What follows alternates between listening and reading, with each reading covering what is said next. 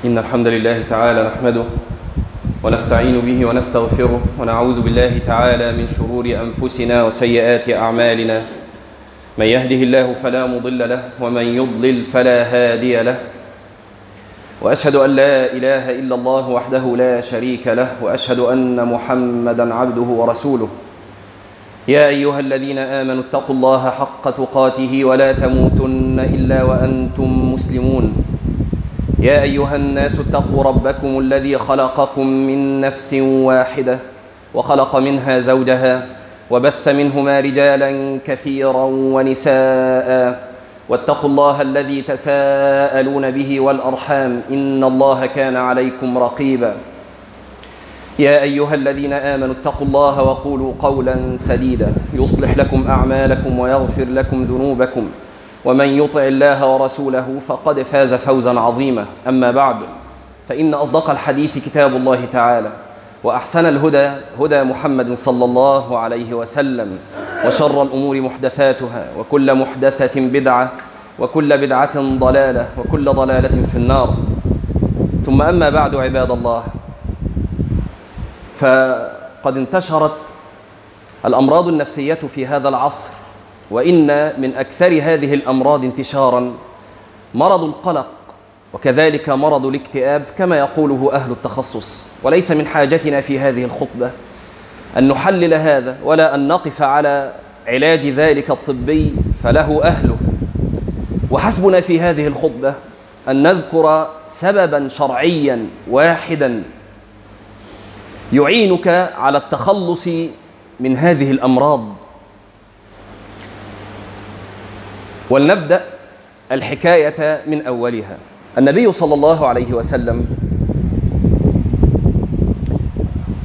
بدأ دعوته في مكة فقوبل بالتكذيب وقوبل بالتضييق عليه وبالتشديد بل وبعض أصحابه عذبوا وقتلوا. فلك أن تتخيل حال النبي صلى الله عليه وسلم وحال أصحابه في هذه الحقبة المكية. حزن وضيق صدر. ثم ما لبث أن مات عمه وهو نصيره في مواجهة الكفار وإن كان كافرا. وماتت زوجه خديجة وكانت كهفه وملاذه. ماتا جميعا في عام واحد فسمي بعام الحزن. فلك أن تتخيل ثانية حال النبي صلى الله عليه وسلم مع ما يلاقيه من تكذيب الدعوة والتضييق عليه والتجديد ثم ما لاقاه من مفارقة عمه وزوجه. كيف كانت حاله؟ في هذه الحقبة وفي هذا العام نزلت سورة من الطوال. تجاوزت آياتها المئة آية. نزلت جملة واحدة على غير عادة القرآن. نزلت سورة يوسف في عام الحزن. نزلت لتسلي النبي صلى الله عليه وسلم وكانت هذه حاله التي وصفتها لكم. وإذا أردت أن تعرف حال النبي صلى الله عليه وسلم في هذه الحقبة فقد ذكرها القرآن. سورة يوسف نزلت بين سورتي هود والحجر. في ترتيب النزول سورة يوسف نزلت بين سورتي هود والحجر. فإذا بالله عز وجل يصف النبي صلى الله عليه وسلم بضيق الصدر في السورتين جميعا. فيقول الله عز وجل في سورة هود فلعلك تارك بعض ما يوحى إليك وضائق به صدرك. ويقول الله عز وجل في سورة الحجر ولقد نعلم أنك يضيق صدرك بما يقولون. فهذه حال النبي صلى الله عليه وسلم. قد ضاق صدره. أليس هذا ما يحياه معظم الناس؟ وإن اختلفت الأسباب فإن كان ضيق صدر النبي صلى الله عليه وسلم لأنه يحمل هم الدعوة وهم هذه الأمة إلا أن كثيرا من الناس تضيق صدورهم لفوات الدنيا وعلى كل حال ضاق صدره صلى الله عليه وسلم.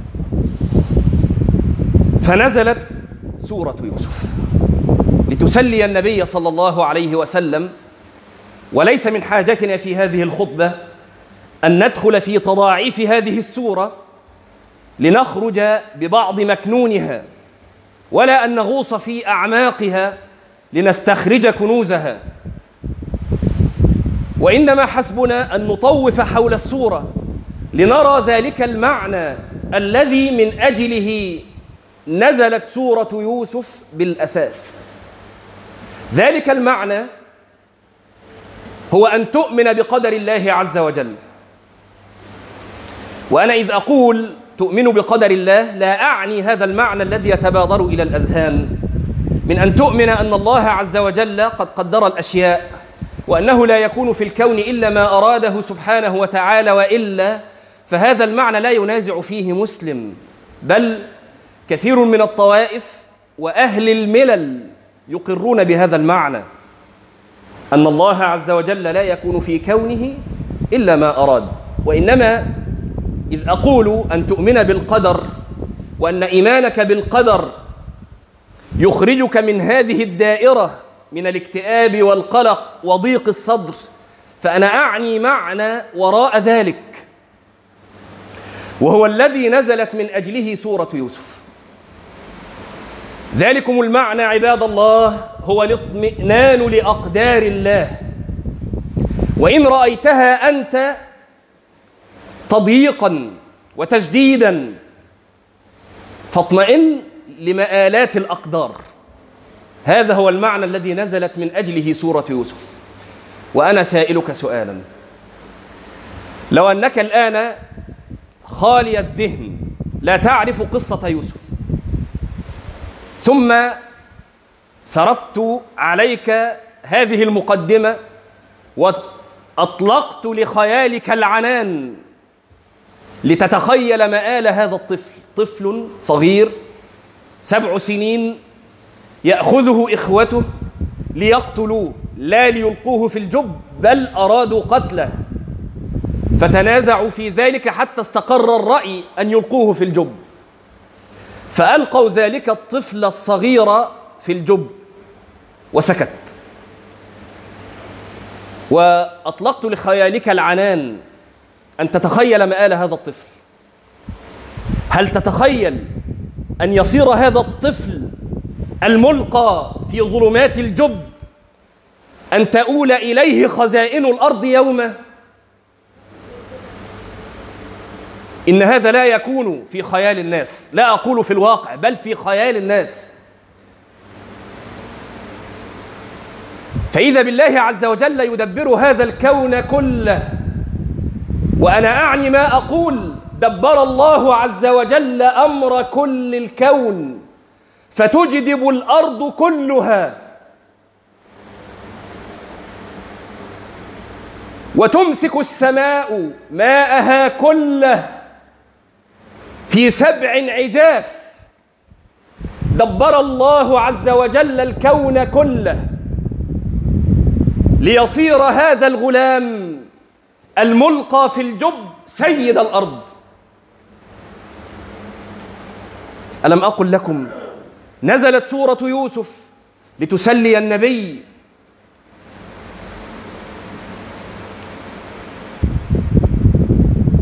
ألقي يوسف في الجب. ثم كان ما كان من خبره وقصته. لتراوده امرأة العزيز بعد ذلك عن نفسها. وهي فتنة والله أشد من فتنة إلقائه في الجب وأشد من فتنة السجن التي كانت بعد. هي فتنة أشد. ويوسف قال ذلك. قال رب السجن أحب إلي مما يدعونني إليه. كانت جدران السجن أحن على يوسف مما لاقاه في بيت العزيز بل في قصر العزيز. ليخرج من فتنة المرأة إلى فتنة السجن. من ظلم إلى ظلم. ومن ظلمات إلى ظلمات. كل ذلك تراه وقع بغير قدره سبحانه. بل بقدره. ولما وقع تراه سبحانه وتعالى فعل ذلك لا لحكمة حاشاه. بل بحكمة ولحكمة. فهو العليم فلا يكون في كونه إلا ما أراده وعلمه. وهو الحكيم فلا يقع في الكون شيء إلا بحكمة ولحكمة. ولذلك كان مدار سورة يوسف على هذين الاسمين العليم الحكيم. فافتتح الله السورة بهما واختتم السورة بهما العليم الحكيم. فماذا قال يعقوب لابنه يوسف لما رأى الرؤيا؟ وكذلك يجتبيك ربك ويعلمك من تأويل الأحاديث ويتم نعمته عليك وعلى آل يعقوب كما أتمها على أبويك من قبل. إبراهيم وإسحاق إن ربك عليم حكيم.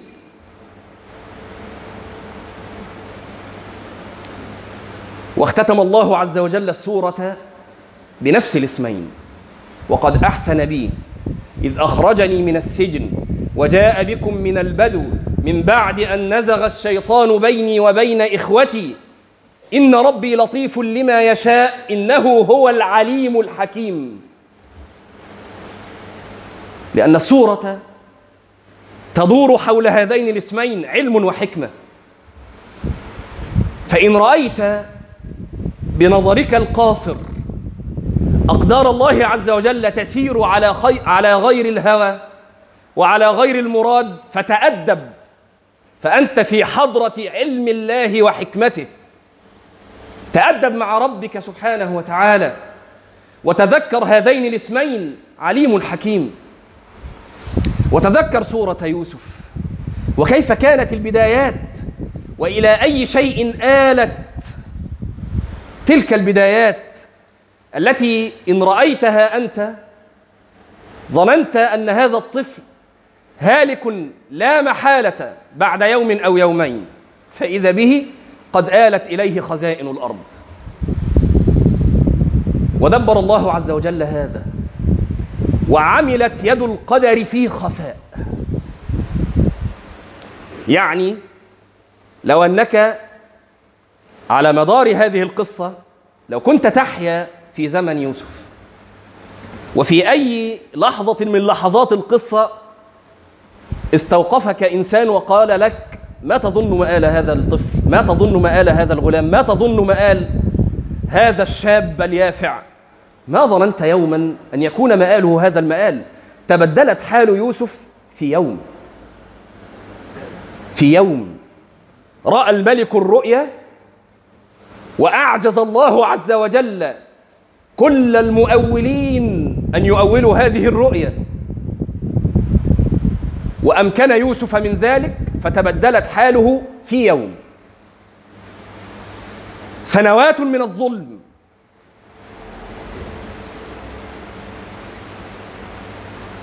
عملت يد القدر في خفاء. كانت نجاة يوسف وكان عز يوسف في رؤيا. تسللت في ظلمة الليل ليراها الملك وهو نائم.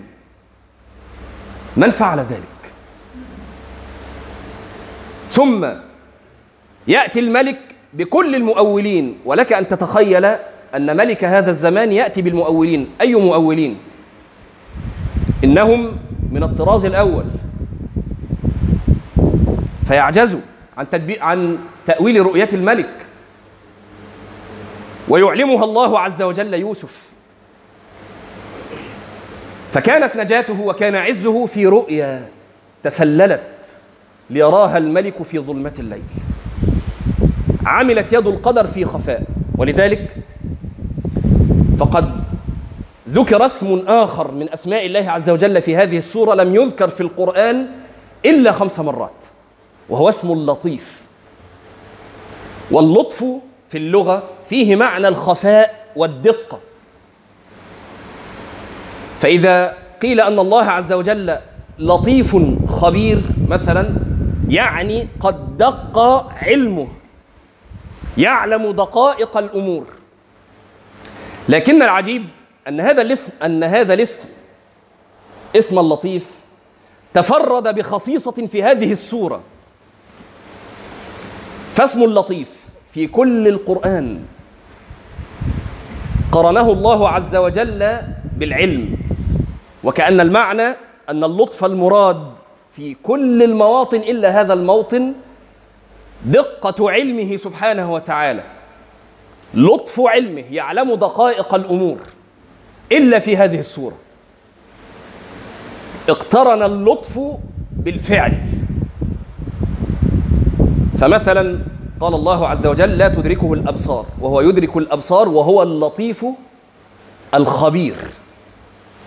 فاقترن اللطف بالعلم خبير. وكذلك في كل المواطن في القرآن إلا في هذا الموطن. اللطف اقترن بالفعل. إن ربي لطيف لما يشاء. يعني كما دق علمه قد دق فعله. ربما نصر أولياءه بأسباب يحتقرها الناس. نصر يوسف برؤية. إن ربي لطيف لما يشاء. قال المفسرون أي إذا أراد شيئا هيأ له أسبابه. فلتكن هذه الأسماء الثلاث منك على ذكر. اسم اللطيف واسم العليم واسم الحكيم. أقول قولي هذا وأستغفر الله العظيم لي ولكم.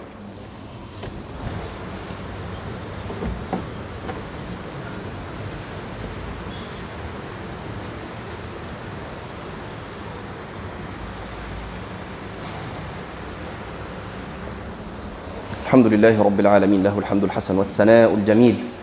وأشهد أن لا إله إلا الله وحده لا شريك له يقول الحق وهو يهدي السبيل. وأشهد أن محمدا عبده ورسوله صلى الله عليه وعلى آله وصحبه وسلم تسليما كثيرا. أما بعد ولعظم هذا المعنى معنى الإيمان بالقدر على النحو الذي ذكرنا. أن تؤمن أن قدر الله عز وجل كله خير. وأن الله عز وجل إذا أراد شيئا هيأ له أسبابه وأن مآلات الأقدار تكون خيرا. وإن ظننت أنت غير ذلك ألح الله عز وجل على هذا المعنى في القرآن ولأن القصص أثبت في المعنى فقد قص الله عز وجل علينا نوعا آخر من القصص عجيب. ليثبت هذا المعنى ويرسخه في قلوب أهل الإيمان. في سورة أمرت أن تقرأها كل جمعة وهي سورة الكهف. فاختتم الله عز وجل السورة بمشاهد عجيبة وهي مشاهد موسى مع الخضر عليهما السلام. وأنا لن أحكي المشاهد لكن يعني دعونا نسير على هذا النحو. لو أنك خالي الذهن أيضا وأنا أحكي لك قصة وأقول لك أن هناك رجل صالح معروف بين الناس وهو الخضر ولم يكن موسى معروفا في هذا المكان فقد كان غريبا لكن الناس كان كانوا يعرفون الخضر ويعرفون صلاحه. رجل صالح طلب أن يركب سفينة والسفينة لبعض المساكين لا أن أصحابها أثرياء مساكين. وهذا وصف القرآن. فأخذوه بغير نوال لم يأخذوا منه اجرا. على ركوبه الرجل الصالح فأركبوه بغير نوال وأنت ترى هذا المشهد. رجل عظمه أهل السفينة أخذوه بغير نوال فإذا به يتسلل دون أن يشعر به أحد ليخرق السفينة. وأترك لخيالك العنان بما تحكم على هذا الرجل؟ يا أخي أخذوك بغير نوال فهل يكون جزاء ذلك إساءة لهم.